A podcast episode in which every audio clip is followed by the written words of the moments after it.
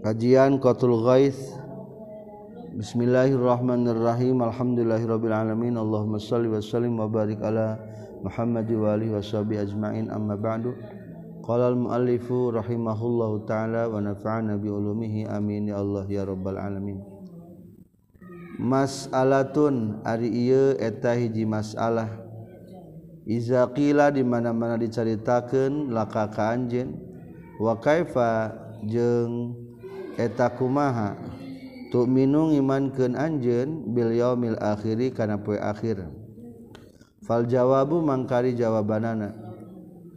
Innallaha ta'ala saistuna Allah ta'ala. Yumitu eta ngamaotan Allah al khalaiqa ka pirang-pirang makhluk. Kullahum tegasna sakabehna khalaik illa man kajaba jalma. karena anu kabuktian Iman Finari Filjannati di surga. Wanari sarang Dina naraka. Wayuhyi jeung ngahirupan Allah hom ka itu al khalaik saha wayuhyi jeung ngahirupan hum ka al khalaik saha Allah taala Allah taala. Wayasyuru jeung ngumpulkeun Allahum ka khalaik. wayuhasibu jeung ngahisab Allahum ka khalaik. Wayahkumu jeung ngahukuman Allah bainahum antara khalaik bil adli kalawan adil.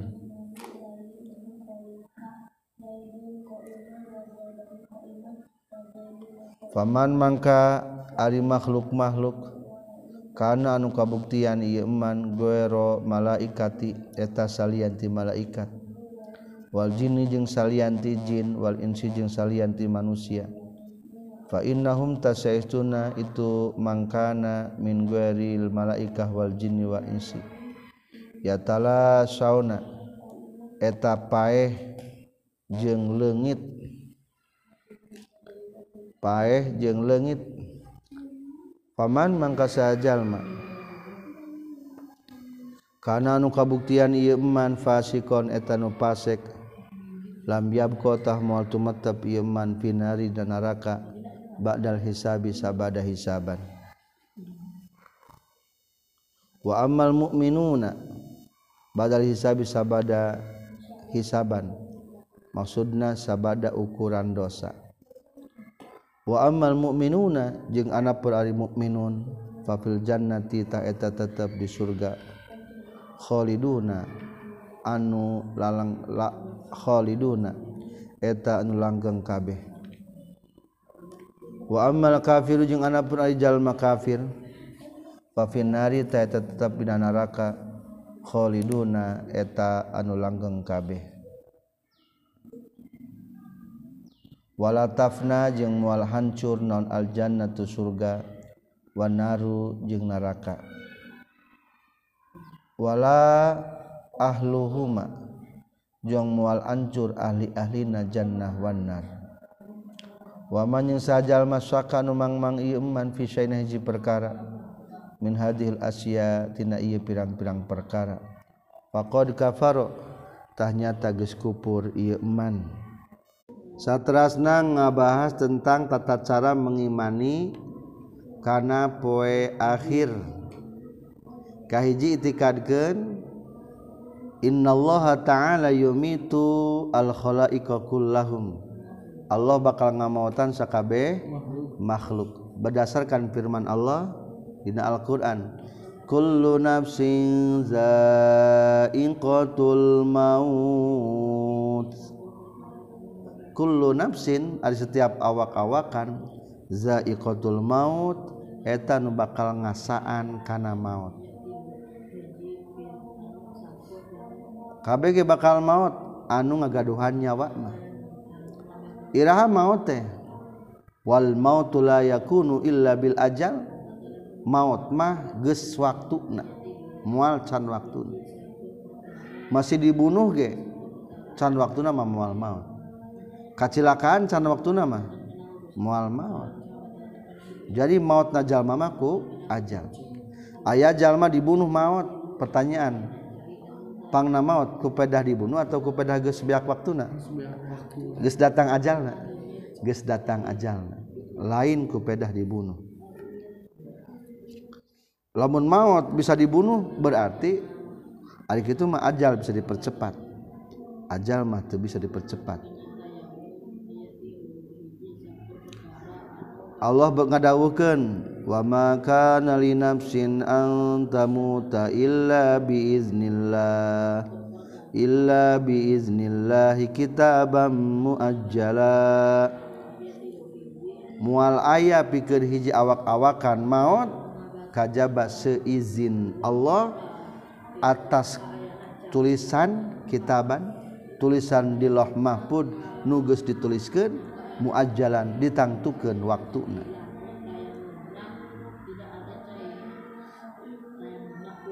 maut geus maut di kumaha diku dikubur.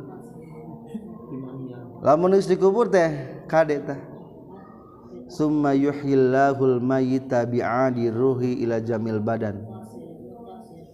Geus dikubur teh sabenerna mah eta teh dibalikeun deui ruhna. Sesuai dina kitab ihya dibalikeun deui. Di dieu ge dibalikeun deui. Rek naon pang dibalikeun kana badan. Li aji suali mun malakaini munkarin wa nakirin. Rek ditanya heula ku munkar nakir? Jadi keur waktu tanya ku munkar nakir mah eta roh teh eta jasad geus daonan deui geus dirohan deui maka sok loba pencerita para penggali kubur. Aneh gali kubur teh nutulang apa balatak ayah tulang apa balatak mah berengker sarenya mayitna iya masuk kan ngagunuk nah sabar bisa ngagunuk jika nama ngagunuk mah beren kenangtung mayitna akhirnya ngahiji hulu darinya tulangannya sekarang gitu seperti gitu ngan wallahu alam. Kumat sarang hirupan Allah. Nganu jelas mah barang begitu dikubuti naon deui? Dihirupan deui. Di rohan deui maksud dihirupan deui jang pertanyaan munkar nakir. Wa bada sual yakhruju minhu ruh. Geus kitu mah kaluar deui ruhna cenah. Setelah ditanya ku saha ku munkar nakir. Yakhruju minhu ruh.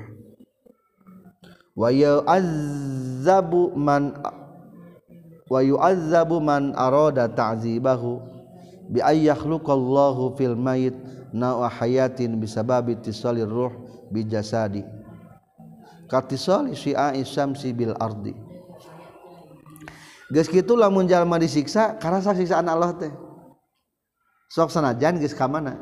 Geus kaluar rohna. Nah geuning bisa kitu. Soalna ku Allah diciptakeun dina eta jasad teh di eta mayit teh naun bihayatin bisabab itisali ruh. Aya macam-macam kehidupan ku sabab intisalna ku antalna ruh. seperti halna ittisalna cahaya matahari karena bumi. Hari matahari mah di mana? Di luhur. Ngan cahaya nama naon? Ittisal ka bumi. Taruhlah ka urang. Lamun matahari kernyengat karasa teh panas matahari ka urang.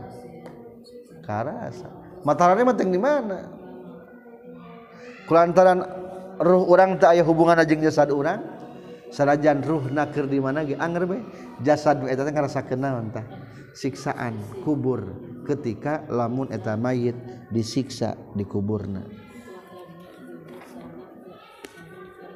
aya hubungan ananya biqadri ma yudrikul alam fayata'allam ruhu ma'al jasada wa in kana kharijan minhu. Sok sanajan ruhna di luar eta jasad tapi ruhna merasakan nyeri eta jasa deng merasakan naon? Nyeri. Wal kafiru azabuhu daimun. Orang-orang kafir mah bakal langgeng siksaan di kubur nan nepi ka poe kiamat. Kumaha lamun ti mukmin? Wa yurfa'u anil mu'minin al azab lamun ti mukminin mah diantawisna aya nu diangkatkeun siksaan ti mukminin. Hiji lamun jalma mukmin soksanajan pasek sok disiksa baik tapi sekalian piamil Jumat mah diistirahatkan saminggu sekali istirahat. Wa fi syahri ramadan li hurmatin nabi sallallahu alaihi wasallam. Lamun keur bulan Ramadan gede istirahatkeun. Jadi pada Jumat mah diistirahatkeun. Menurut dina kitab poe Jumat teh asar poe Kemis geus masuk karena Jumat atau wengian Jumat malam Jumat Rupi nama itu jeng malam Jumat nah insya Allah nih. Ayah istirahatna. Wa in mata yaumal jum'ah aw lailatahu yakunul azabu sa'atan wahidah. Wa daqtatul qabri kadzalika summa yanqati'u. Ngan untung ya. lamun aya jalma maut na poe Jumat atawa malam Jumat maka siksaan teh saatun wahidah sakali wungkul sawaktu sakali. Wadog dotul qabri digencet ku kubur sanaon sakali. Summayan qati'u wala yaudu ila yaumil qiyamah. Eta siksaan teh moal moal balik deui nepi ka poe kiamat. Meningnya mau tu Jumat ya Allah. Mudah-mudahan poe Jumat kan ulah Jumat mah iya ya baik 100 tahun lah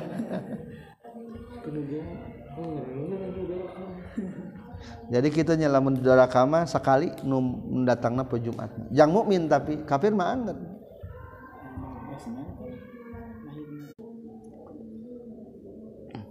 Tos kitu kahiji itikadkeun sakabeh jalma bakal naon? Maut. Kadua wa yuhyihimullahu taala. Sakabeh jalma bakal hirupan deui setelah mautna. Allah ngadaun Al-Qur'an yuhyil mauta. Allah bakal ngahirupkeun jalma-jalma anu maut. Wa yakunul ihya binafkhatil ba'si ba'da imatatihim binafhatis sa'ki wa baina nafkhataini arba'una sana. Berarti ieu mah menurut madhab anu ka hiji-hiji menurut madhab kahiji mah sang sakala ditiup sabaraha kali. Dua kali. Kahiji nafkhatul ma imata ditiup jang ngamaotan atau nafkhatus saqi di dieu mah sebutan teh. Kalengger langsung paringsan. Kedua nafkhatul ba'si ditiup deui sang sakala teh jang supaya bangkit di mana? Di kuburna. Tah eta antara dua tiupan sang sakala teh wa baina nafkhataini arbauna sana jarakna 40 tahun. Berdasarkan firman Allah wa nufikha fis suri fa sa'iqa man fis samawati wa man fil ardh waman fil ardi illa man Allah summa nufikha fihi ukhra fa idza hum qiyamun yanzurun dua kali ditiup tehnya sang sakala teh. Numutkeun sapali ulama deui mah tilu kali. Nu katilu nama nyaeta nu kahiji mah ngagetkeun ngagetkeun ngareuwaskeun kadua ngamaotan katilu ngabangkitkeun lamun berpendapat tilu. Tah jarakna teh 40 tahun 40 tahun. Wallahu alam. Duka tahun dunia duka tahun akhirat. Lilanya cerita manusia teh. Geus dibangkitkeun ti kubur katilur itikad deui naon aya naon? wayah suruhum bakal digiringkan ke alam mahsar. Bringsa kabe jalma di udag-udag naraka. Taya pisan nu ngabela amin amal ker di dunia dikumpulkan kabeh yauma yajma'ukum liyaumil jam' poe hari-hari Allah ngumpulkeun ka bani kabeh pikeun dikumpikeun poe hari perkumpulan. Lumpangna panjang lila luar biasa. Soalnya sakabeh jalma maut dan tempat nu berbeda tapi kudu kumpul di hiji tempat. Bayangkeun sakumaha ting lumpangna Taruhlah lamun di orang di orang Amerika maut di Amerika. Orang di Indonesia mautna hayang kumpul di mana kumpul nanti mata kelempang na di alam masa itu jauh luar biasa. Gitu pangna jauh.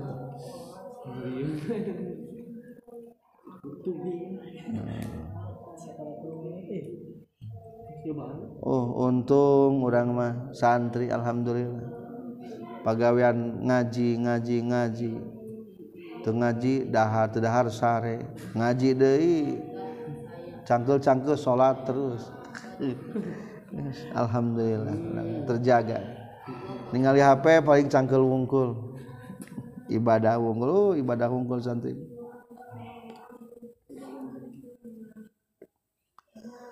Hatilu itikad gendai kaopat ges dikumpulkan di alam masar bakal ayah hisa hisaban wakafa bina hasibin. Cukup ka kami nu ngahisab jalma miliaran kabeh bakal kaitung kabeh amalna ku Allah.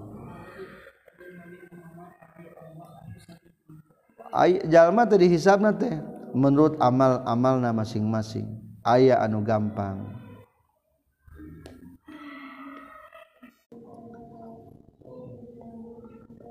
wa kutubul a'mal ju'ilat ba'da mauti sahibiha. Lamun jalma nu maut kitab amalna teh ditutupkeun. Catatan-catatan amalna teh. Geus kitu disimpan fi khizanati tahtal arsy. Di dalam mari atau di gudang di bawah aras. Eta kitab-kitab amalna fa iza kanu fil mauqib ba'asallahu rihan fatatiruha.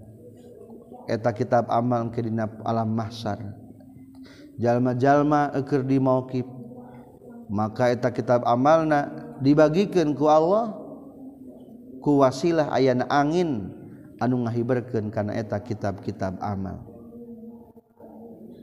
Eta kitab amal fakullu sahifah taltasiku bi unuki sahibiha. Setiap lembaran kitab amal antel kana beuheung pemilikna. La tatazawajahu mual ngaliwatan kanu sejena tetep hakna ka masing-masing. Geus kitu summa takhuduhal malaikah min anal anak fayutunaha ilaihim. Ku malaikat dicokot eta jalma dibikeun ka pemilikna. Aya nu narimakna ku panangan ti belah katuhu aya ti panangan belah kenca. aya nu tutukang. Sahanu panglana nampi amalna atau catatan amal ku pandangan katuhu. Wa awwalu man yakhudu kitabahu biyaminihi. Nu pangelana nyana kitab amal ku belah katuhu ma nyaeta Umar bin Khattab. Cahayana ngagempur caang luar biasa. Walahu syi'aun ka syi'a'i samsi ibarat cahaya sinar matahari. tos gitu Ari Abu Bakar ka mana? Ari Abu Bakar mah fahuwa raisus sab'ina alfan alladzina yadkhuluna aljannah bighairi hisab. Ari Abu Bakar mah pimpinan KM-na 70 ribu jalma nu asup ka surga tanpa ayah hisaban. Tah ieu nu 70 ribu mah fahum lam yakhudu soha ipa tenyokot karena lembaran lembaran amal. Dan mual naon? Dan mual dihisab mual diperhitungkan buku catatan amal lamun tas Umar bin Khattab sahadei nuku panangkat tuh wa ba'da Umar Abu Salamah Abdullah bin Abdul Asad al-Makhzumi. Tas Umar bin Khattab teh nyata Abu Salamah Abdullah bin Abdul Asad Al-Mazumi. Ari anu nyanda kitabullah kita sah? Wa awwalu man yakhudu kitabahu bi syamialihi akhuhu Al Aswad bin Abdul Asad. Ari Al Aswad bin Abdul Asad teh tadi dulur nanu tadi Abdullah bin Abdul Asad. Abu Salamah teh ya.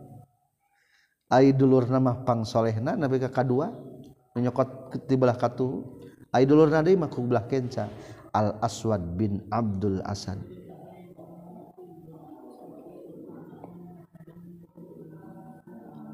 Lamun kitab amal geus dibuka maka dina catatan amal teh dua. Hiji aya tulisan tulisan cahaya. Wajada hurufuhu niro kedua atawa ya cahayaan atawa ningali huruf-huruf tulisan tak amal teh aw muz aw mazlama atawa poek. Masalah caang jeung poekna kumaha? Ala hisabil a'mal hasanah awil qabiha. Tergantung amal hade jeung gorengna. Naon tulisan panghelana dibaca di atas tulisan? Tercantum iqra kitabak kafa binafsikal yauma alaika hasiba. Iqra kitabak. Gera baca kitab anjeun kitab catatan amal anjeun berarti ngarartinya soalnya ku bahasa Arab ngararti da bahasa Arab mah bahasa akhirat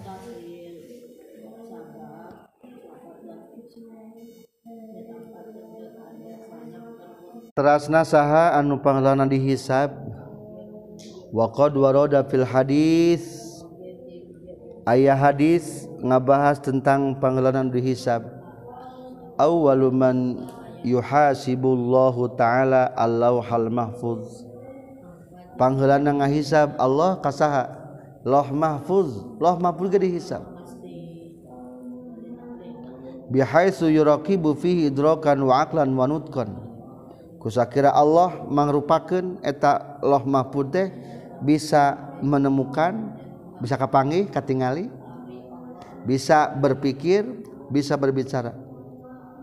Fayadda'i bihi Allah ngadakwa ka eta loh mahfud fatarta addi qara isuhu akhirna ngageter tah loh mahfud ge ditanya fayaqulahu he loh mahfud al ballagta ma fi kali israfil?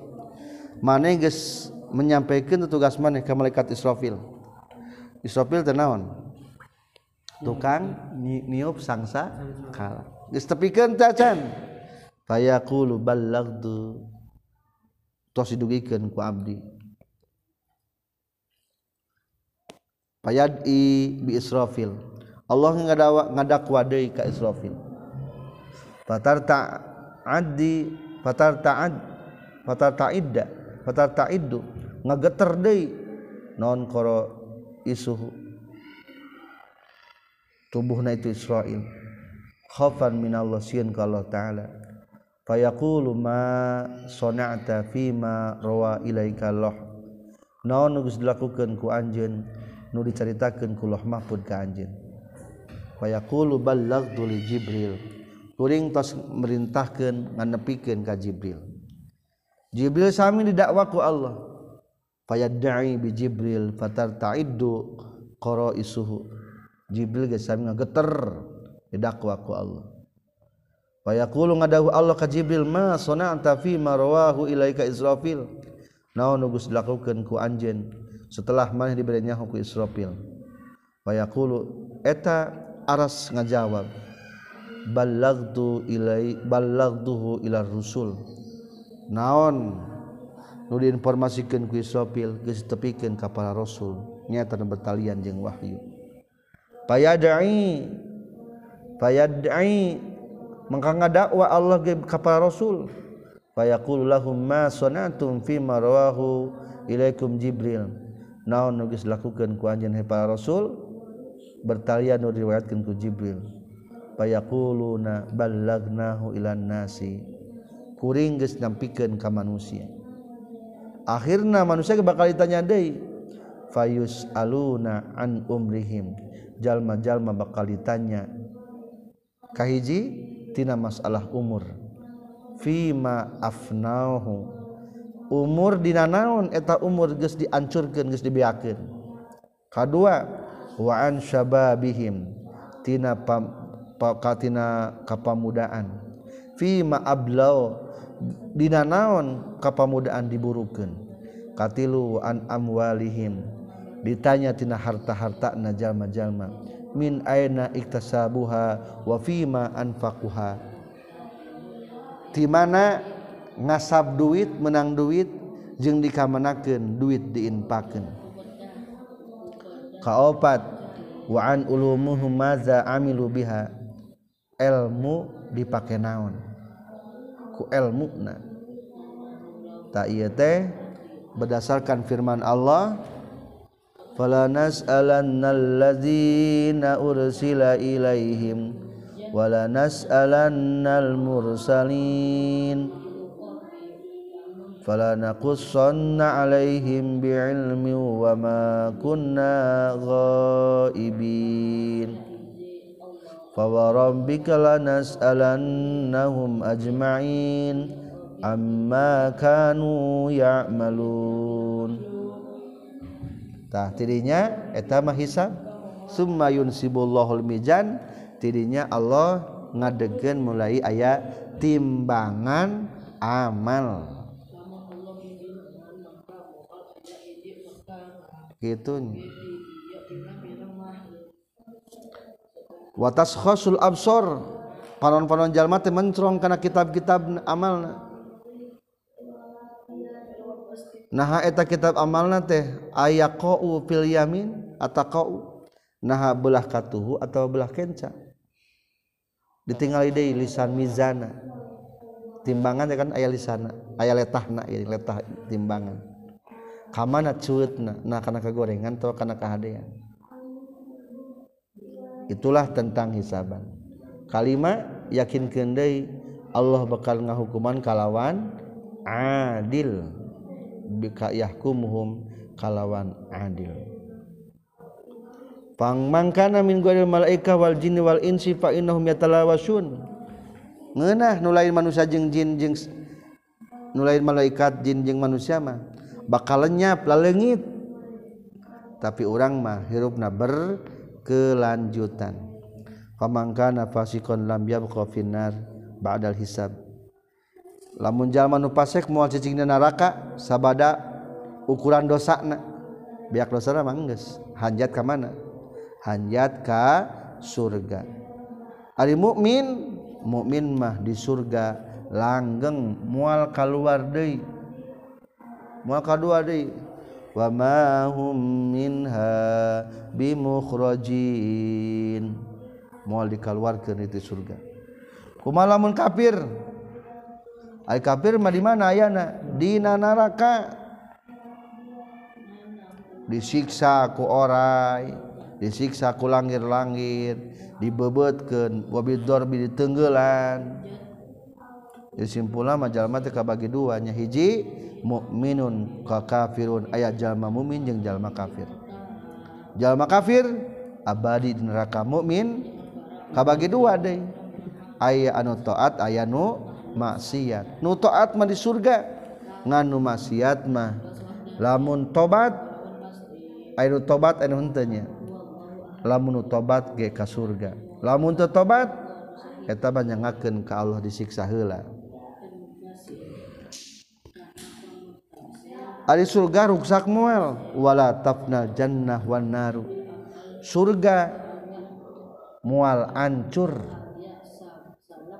Naraka ge moal ancur. Ahli surga jeung ahli neraka ge moal ancur. Ahli surga sabaraha macam? Surga teh tujuh macam. Hiji surga firdaus. Dua surga aden. Tilu surga khuld opat surga naim lima surga ma'wa genep surga darussalam tujuh surga darul jalam.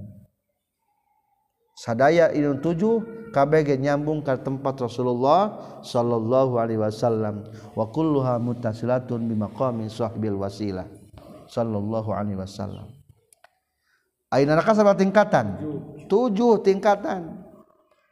Atau buka tuha sabun pangluhurna neraka naon? Jahannam. Pikeun saha? Pikeun li usatil mukminin jalma mukmin nu maksiat.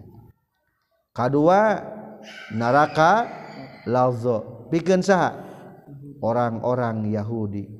Katilu naraka hutomah pikeun saha? Orang-orang Nasrani. Kaopat? Nalaka sa'ir. Pikeun saha? Sobiin golongan sobiin. Asobiin teh atasna anu pengkol tina agamana. Nyaeta di zaman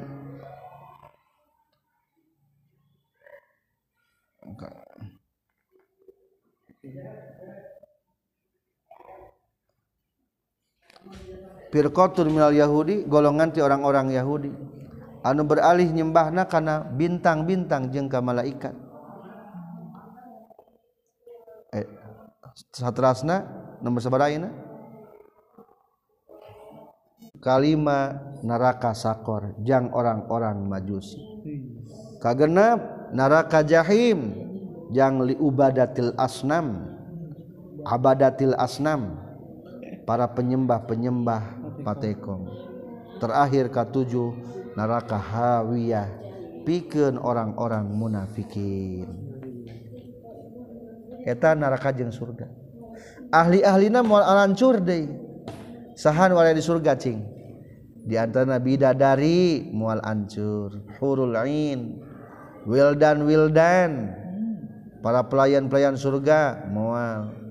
Khazanatul jannah. Penjaga-penjaga surga moal. Malaikatul azab. Nu aya neraka ge moal ancur. Malaikat tugas nyiksa teancur mual maut. Wal iqari wal hayat. Langgir-langgir ora-orai nu ngajadikeun siksa di neraka ge moal naot moal ancur. Itulah anu moal ancur. Lamun urang ngawas tauhid sebetulna aya tambah nadein sababaraha nu moal ancur. Tujuh nu moal ancur. Hiji naon? Aras. Kadua kursi. Tilu loh mahfuz opat kolam lima surga genap neraka berikut ahlina. Katujuh al arwah nyata rohani.